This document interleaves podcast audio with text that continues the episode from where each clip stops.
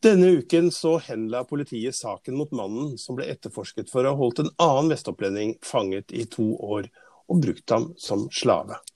I OA forteller advokaten hans om hva det har gjort med ham. OA har snakket med Gran-ordfører Randi Erik Thorsen. Flytter Helse Sør-Øst det nye Mjøssykehuset lenger sør enn Moelv, tar Ap-politikeren med seg 22 000 innbyggere på Hadeland og melder seg ut av Vidlandet. Dette er noen av sakene i OA-podden denne uken. Mitt navn det er Erik Sønsteli, og med meg i studio så har jeg som vanlig med meg deg, debattredaktør Stina Håkensbakken. Hva er ukas mest leste leserinnlegg i Vest-Oppland? Det er et innlegg fra tre lærere på Lena ungdomsskole som er djupt frustrert over de kutta som blir foreslått neste år i skolesektoren på Østre Toten. De har skrevet to innlegg denne uka. Ett der de henvender seg til foreldre, og ett der de skriver til politikere. Og det ene av dette er 'Kjære deg som har barn som skal vokse, vokse opp i Østre Toten'. Det leser jeg ja, mer enn 5500. Så det er klart dette er noe som opptar mange des, i disse tider, da. Ja, Kuttene i Østre Totens kommuneøkonomi det har vi skrevet mye om. Vi har skrevet om det som skjer i Østre, Vestre Toten. Budsjettet det står, uh, ja, det står mye kutt også i Gjøvik-regionen, nær sagt i alle kommunene våre.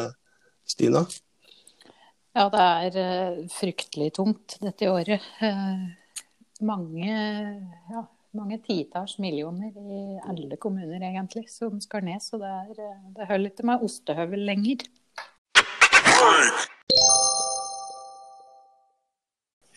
Vestopplendingen holdt angivelig en annen mann fanget i to år. Han behandlet ham som en slave, mannen fikk nesten ikke mat. Han skal ha vært i en svært dårlig forfatning da han ble funnet og hentet ut av huset han var innesperret i, av familie.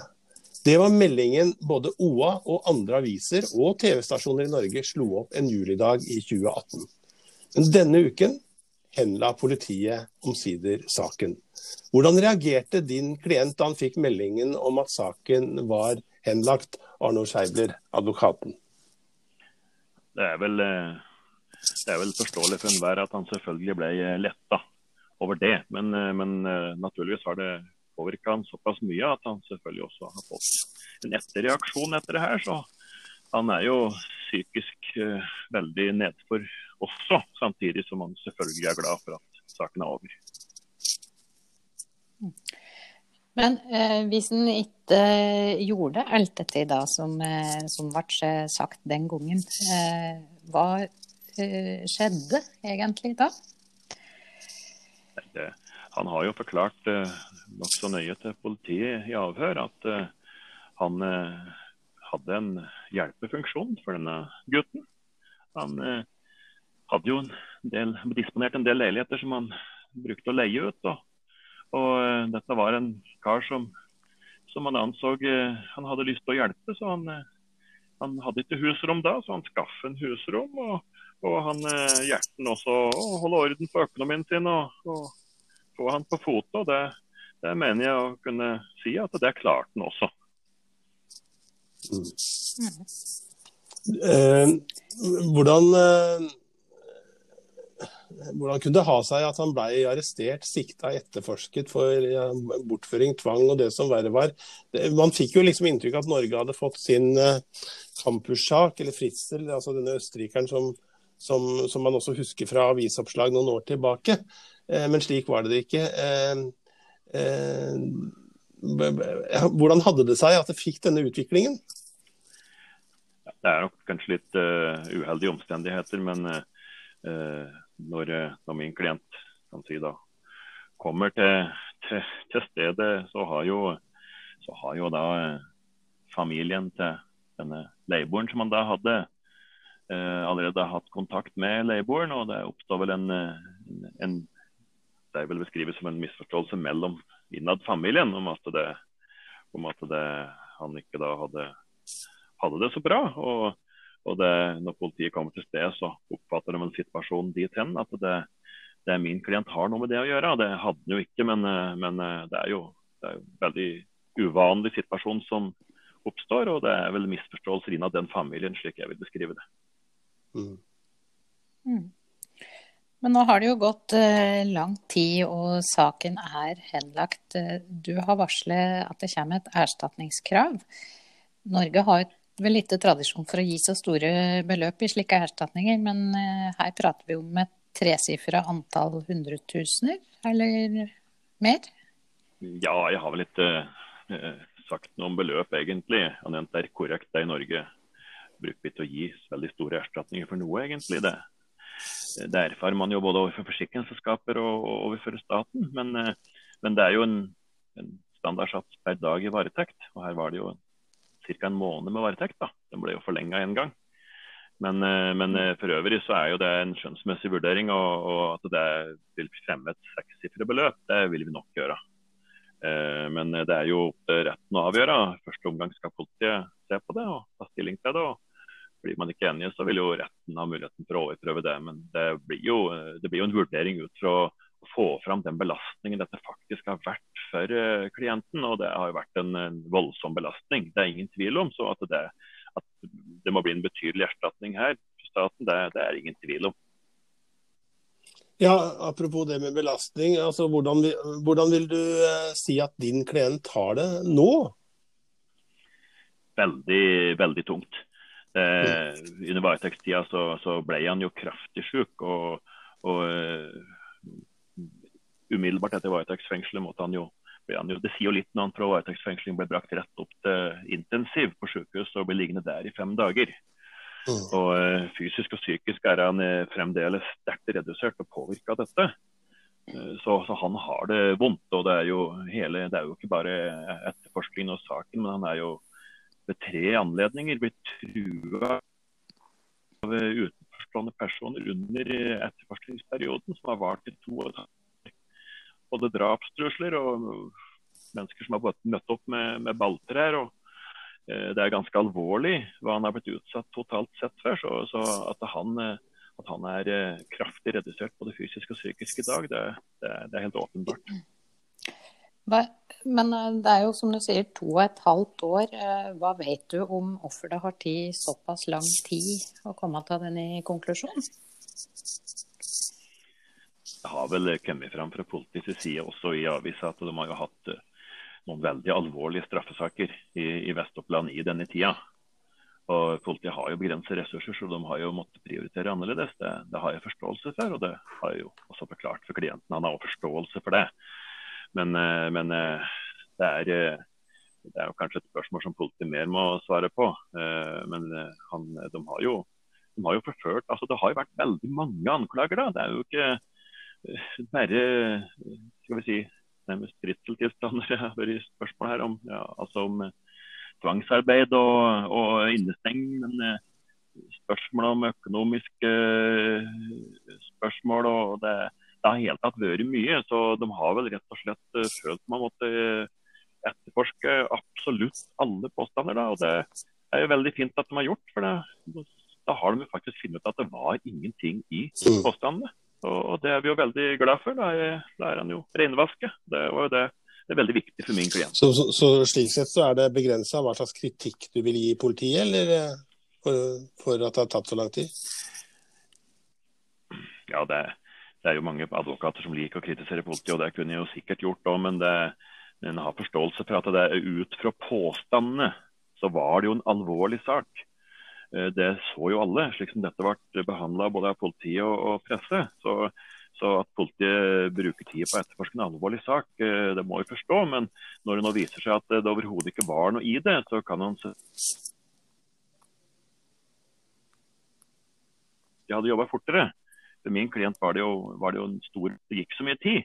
Så, så, det er jo beklagelig, selvfølgelig er det det. Men, mm. eh, men vi må jo ha forståelse for, for politiet sin uh, situasjon òg. Det, det, er jo et politisk spørsmål om å bevilge den midler til å kunne følge opp alle saker like raskt. Så, så jeg vil være forsiktig med å kritisere. Det er veldig alvorlige ting du sier som, som din klient har opplevd i denne tida òg. Er det opprettet sak eller anmeldelser eller noe på noe av det som du nevner der?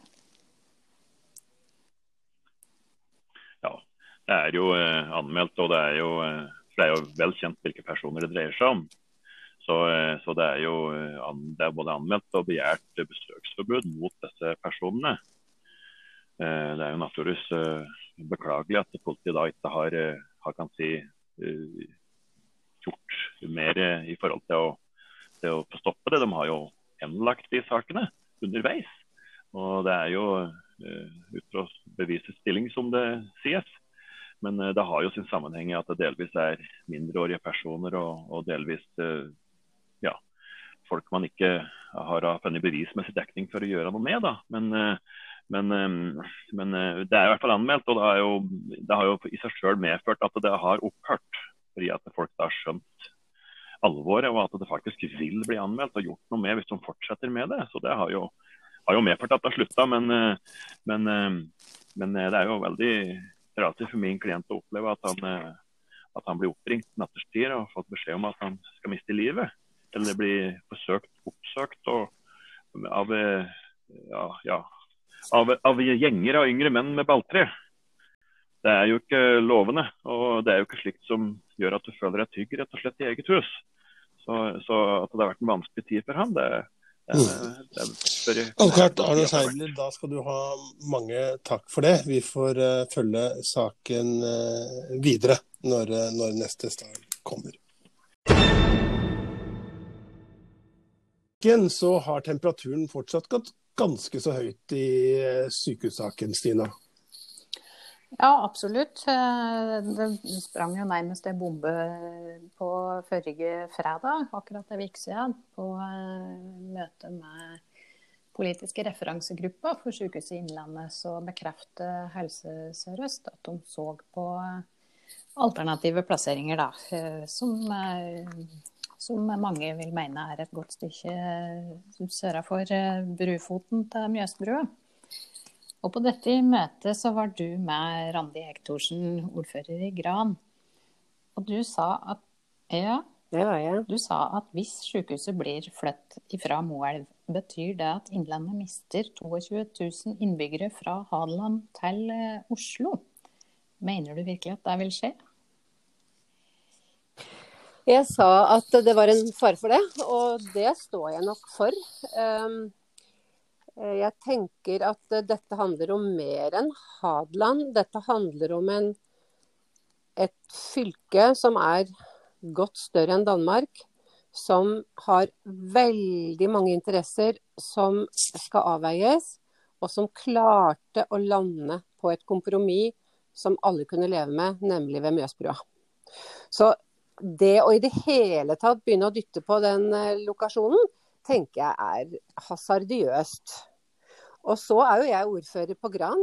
Eh, vi ligger sør i, eh, i fylket. Eh, det var mange diskusjoner her knytta til sykehusplassering. Om det var naturlig at vi fortsatt skulle til, sokne til Sykehuset Innlandets nedslagsfelt når det de facto er mye kortere inn til Oslo.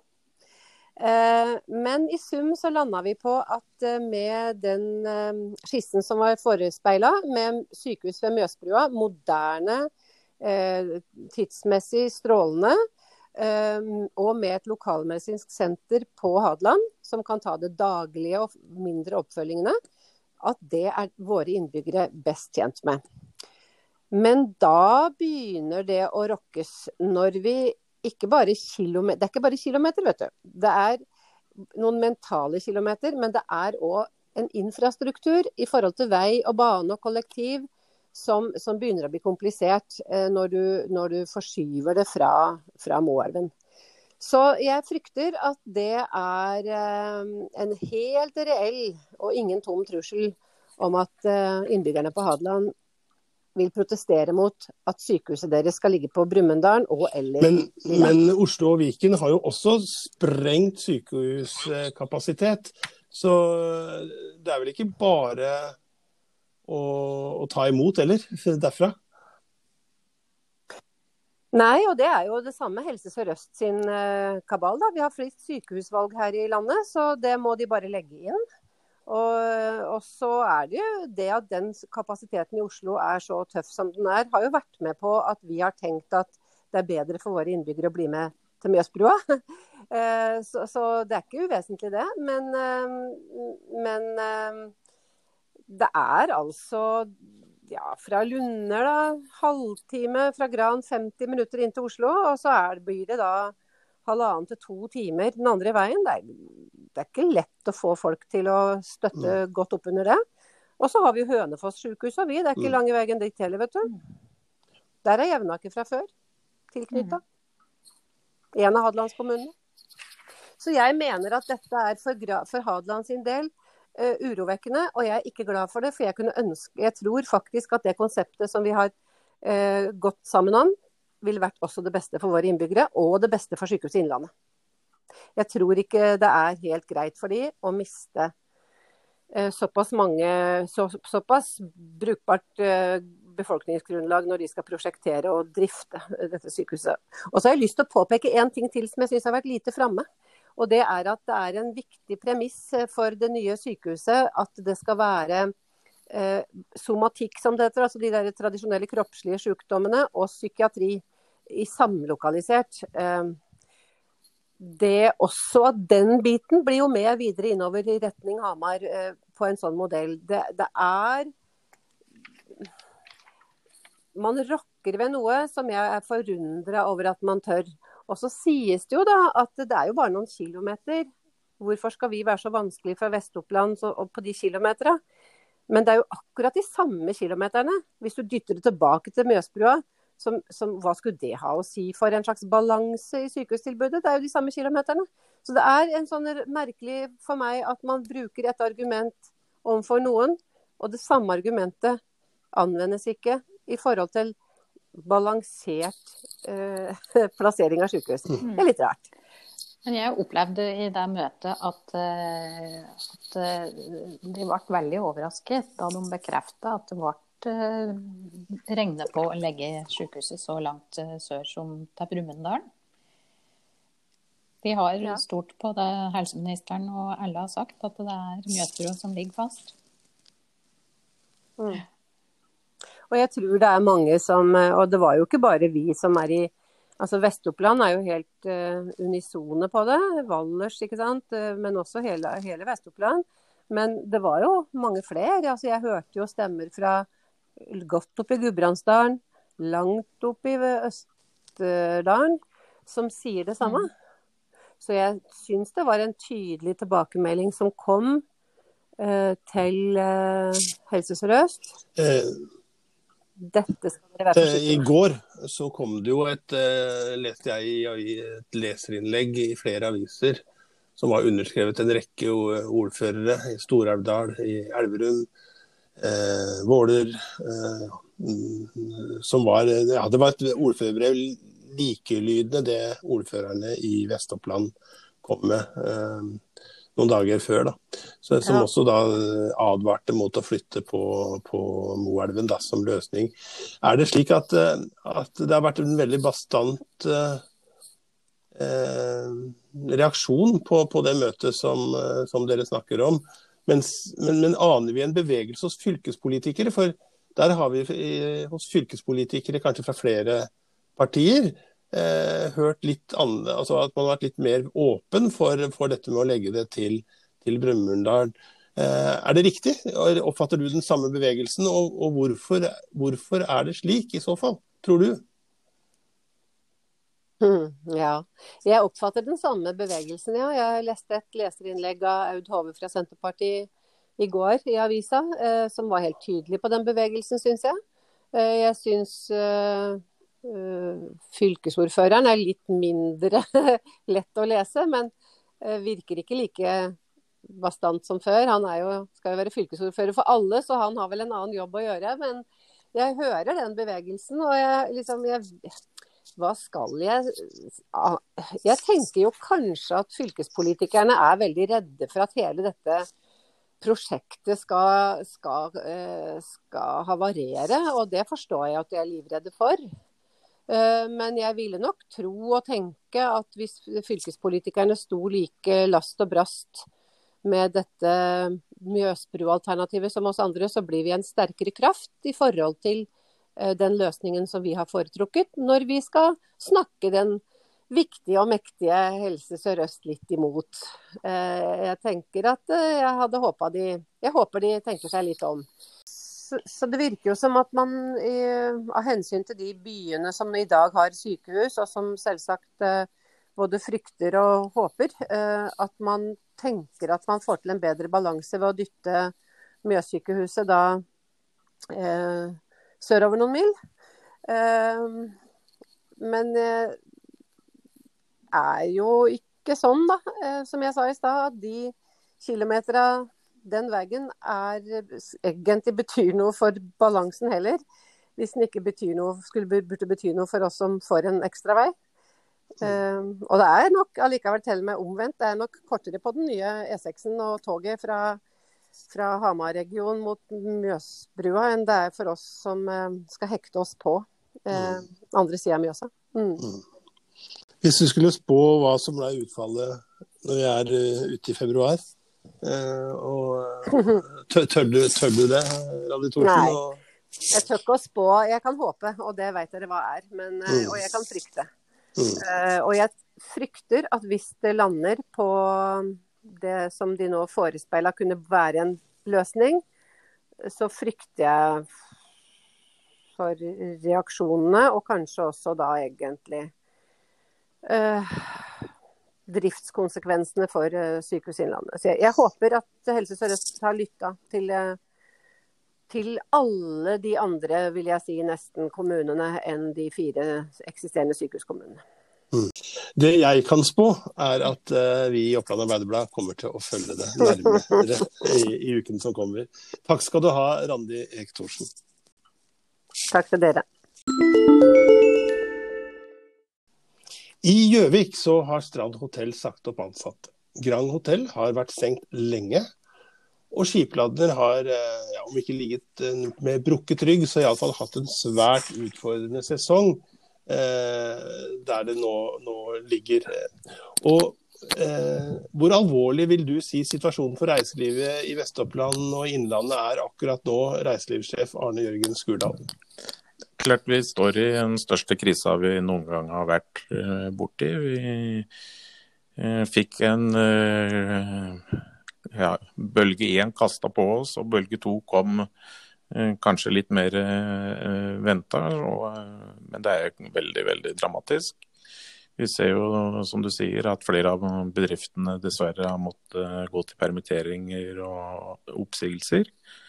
Og det henger jo naturlig nok sammen med det at det er eh, ikke noen sterk anbefaling eh, om å reise veldig mye. Så det er klart det er alvor, veldig alvorlig eh, når du ikke kan drive butikken din sånn som du normalt sett har gjort. da. Er du eh, redd for at uh, mange av de, eller en del av de særpreget bedriften som vi har i regionen, at de gir opp rett og slett i denne tida her? Heldigvis har vi sett at eh, de aller eh, minste eh, aktørene har klart seg sånn tålelig greit. Og med det mener vi at flere av dem klarer, på tross av de litt sånne keikete smittevernreglene, allikevel å ta imot gjester. Men det som er den store bekymringen det er jo at de store aktørene nå har tæra på egenkapitalen sin uh, siden uh, mars. og det er jo der vi ser at ansatte nå blir permittert og, og, sagt opp. Så jeg håper jo ikke at de viktige én- og to- og tremannsbedriftene ikke blir Eller at de ikke blir borte, for det er jo krydderet, kan du si, i reiselivsopplevelsen. De er krydderet, og så har du de store aktørene. Hvilke, Nevn noen eksempler på store aktører som du er redd for. Nei, vi ser jo det at hotellene har vært stengt en uh, periode nå. Jeg tror jo det at uh, når ting nå bare uh, kommer i gang igjen, så vil hotellene òg komme i, gang igjen. Men det er klart at det er en eh, helt ny tid som reiselivet står foran. Eh, og Det handler om at eh, vi alle sammen må brette opp armene og tenke omstilling. og videreutvikling av produktet vårt for det markedet som var der i mars 2020. Det vil jo ikke være der når vi kommer inn i 2021. Da er det helt andre ting vi må tenke på. Og da tenker du på at det fortsatt er såpass usikkert? Ja, altså, vi vil nok måtte liksom leve med smittevernrestriksjoner i hvert fall eh, godt over og, sommeren 2021. Helt sikkert. Mm. Eh, vi kommer nok til å få en utfordring på at en del bedrifter kanskje velger å gjennomføre mer videomøter.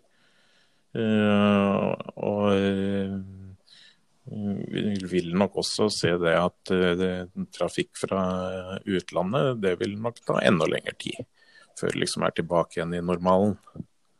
Mm. Hva er den viktigste medisinen som myndighetene kan bidra med å gi da, for å, at vi skal overleve pandemien, vi som arbeider i bransjen? Ja. Er det å ettergi skatt og avgifter? Ja, altså mm, Det er jo en stor, stygg ulv langt eh, der framme eh, med at staten har jo utsatt en god del skatter og avgifter som eh, en eller annen gang må betales. Og da er det jo mange av oss som frykter at mm, ja, på landsbasis så er det vel 10 000 bedrifter som har fått utsatt skatter og avgifter. Og det er klart den dagen det skal betales og kassa er tom, så er det jo fort å havne i, i skifteretten, da. Hmm. Men eh, oppi denne situasjonen her, da, så eh, ble det denne uka her lagt fram eh, tegninger og planer om et eh, nytt, stort, eh, flott hotell helt nede i Mjøskanten på Gjøvik. Eh, hva tenker du om planene?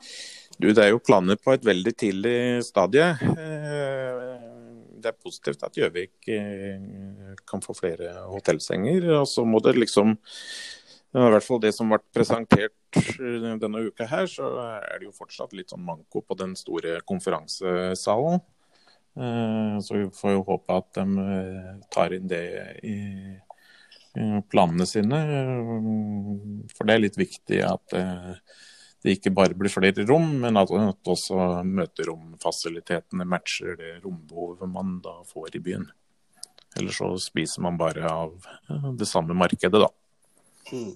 Hotellet må bygge stort nok til at, kommer, at, du kommer inn på nye marked, sånn som de store konferansene. Det er jo det som, det som har vært poenget hele tiden. At hvis man skal eh, gjøre en utvidelse, så må det liksom henge på, på greip med, med, rom og med, med møte- og kurslokaler, da. Hvor går den grensa, liksom? Og, hvor mange har vi i dag? Og når er det bærekraftig med noe nei, nei, Skulle vi liksom begynne å konkurrere på et uh, nytt marked, så bør vi jo ha en uh, møteromsfasiliteter uh, hvor alle kan sitte på samme flate på en 700-800 personer, da. Mm. For det som er situasjonen i dag, Hvis f.eks. en av våre store partier skal ha landsmøte, eh, og legge det til Innlandet, så havner de på Hamar eller på Lillehammer. Det er vel bare de stedene som har den kapasiteten. Det er Lillehammer og Hamar som kan være med å konkurrere der. Og så kan vi kanskje klare Pensjonistpartiet, da.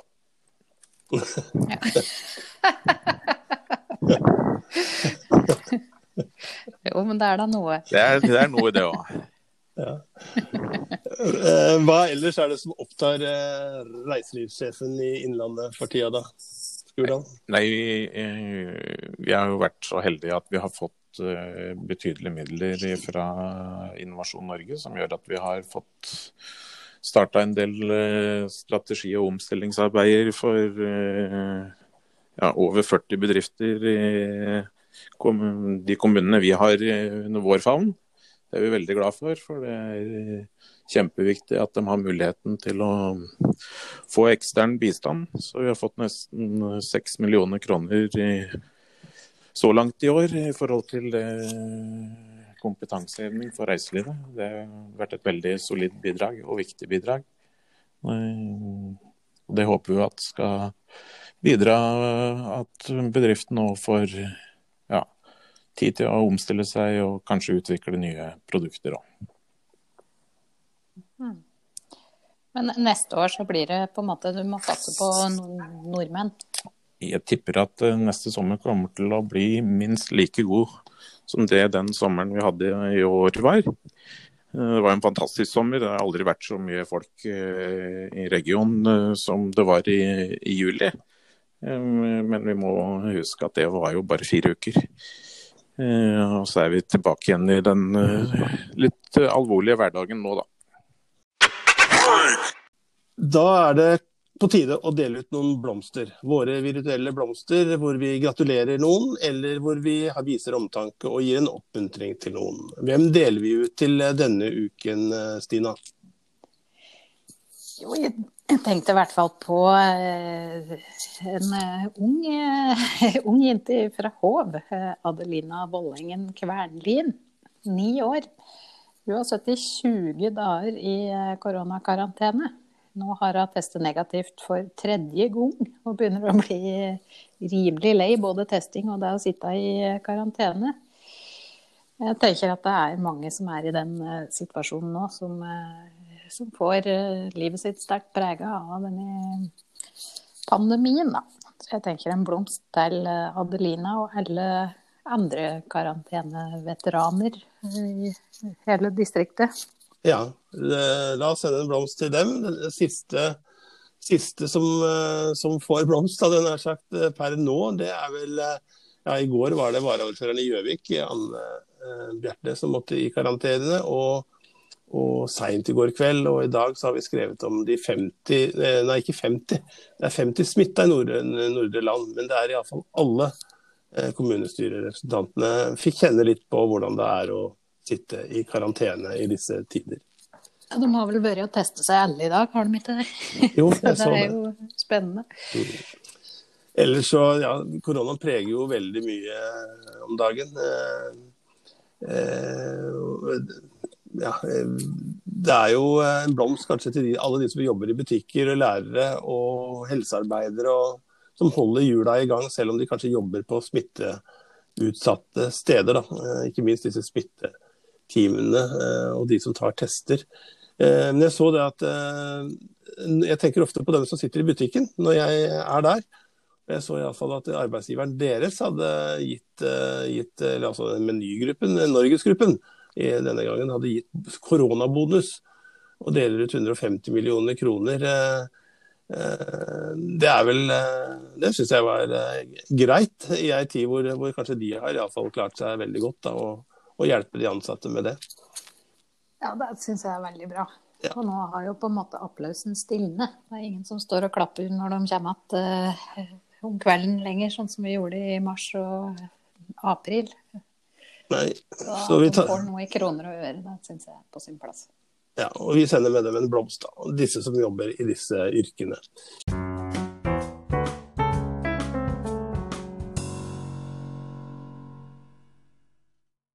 Men du eh, Stina, hva skjer i helga? Jo, det er litt eh, Det er førjulshygge som har begynt. Det blir jo litt Angeles i år, det òg. Men eh, om stand så var det premiere på juleshowet med Paul Håvard Østby, Torbjørn Dyrud og Jonas Rønning bl.a. Eh, de spiller bl.a. på Eina i kveld. Tøyser jula inn. Og det var morsomt, mente vår anmelder på showet. Eh, samme kveld så var det premiere på Einawood Christmas Show. Eh, Ella Fiskum, Ronny Tekerø, dansere og artister som svinger seg både på tåspiss og i det hele tatt. Et vanvittig show, egentlig, i en låve på Eina. det er fortsatt uh, mange kvelder helt fram til jul. Ja, og jeg tror det at eh, man eh, I år så har man lagt opp til én voksenversjon, faktisk.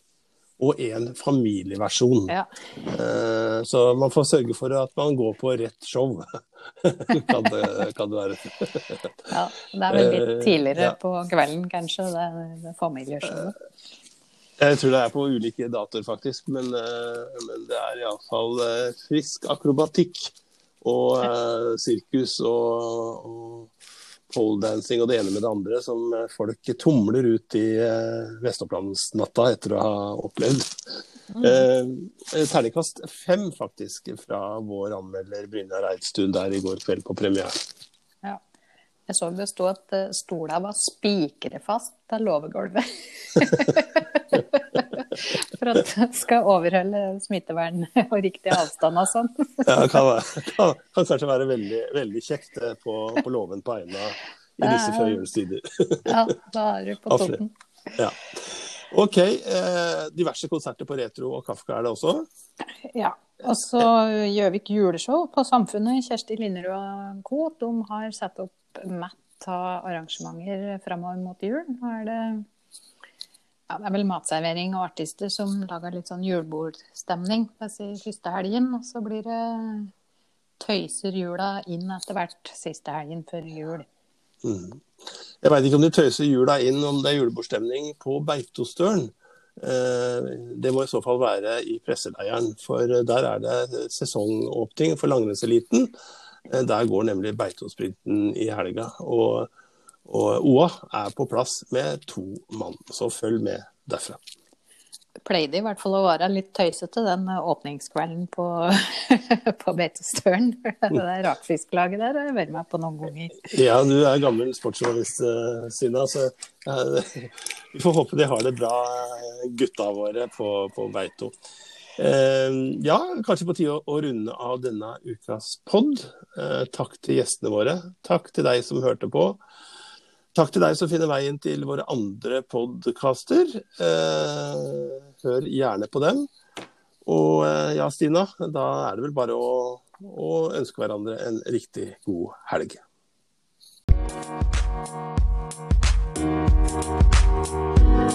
Thank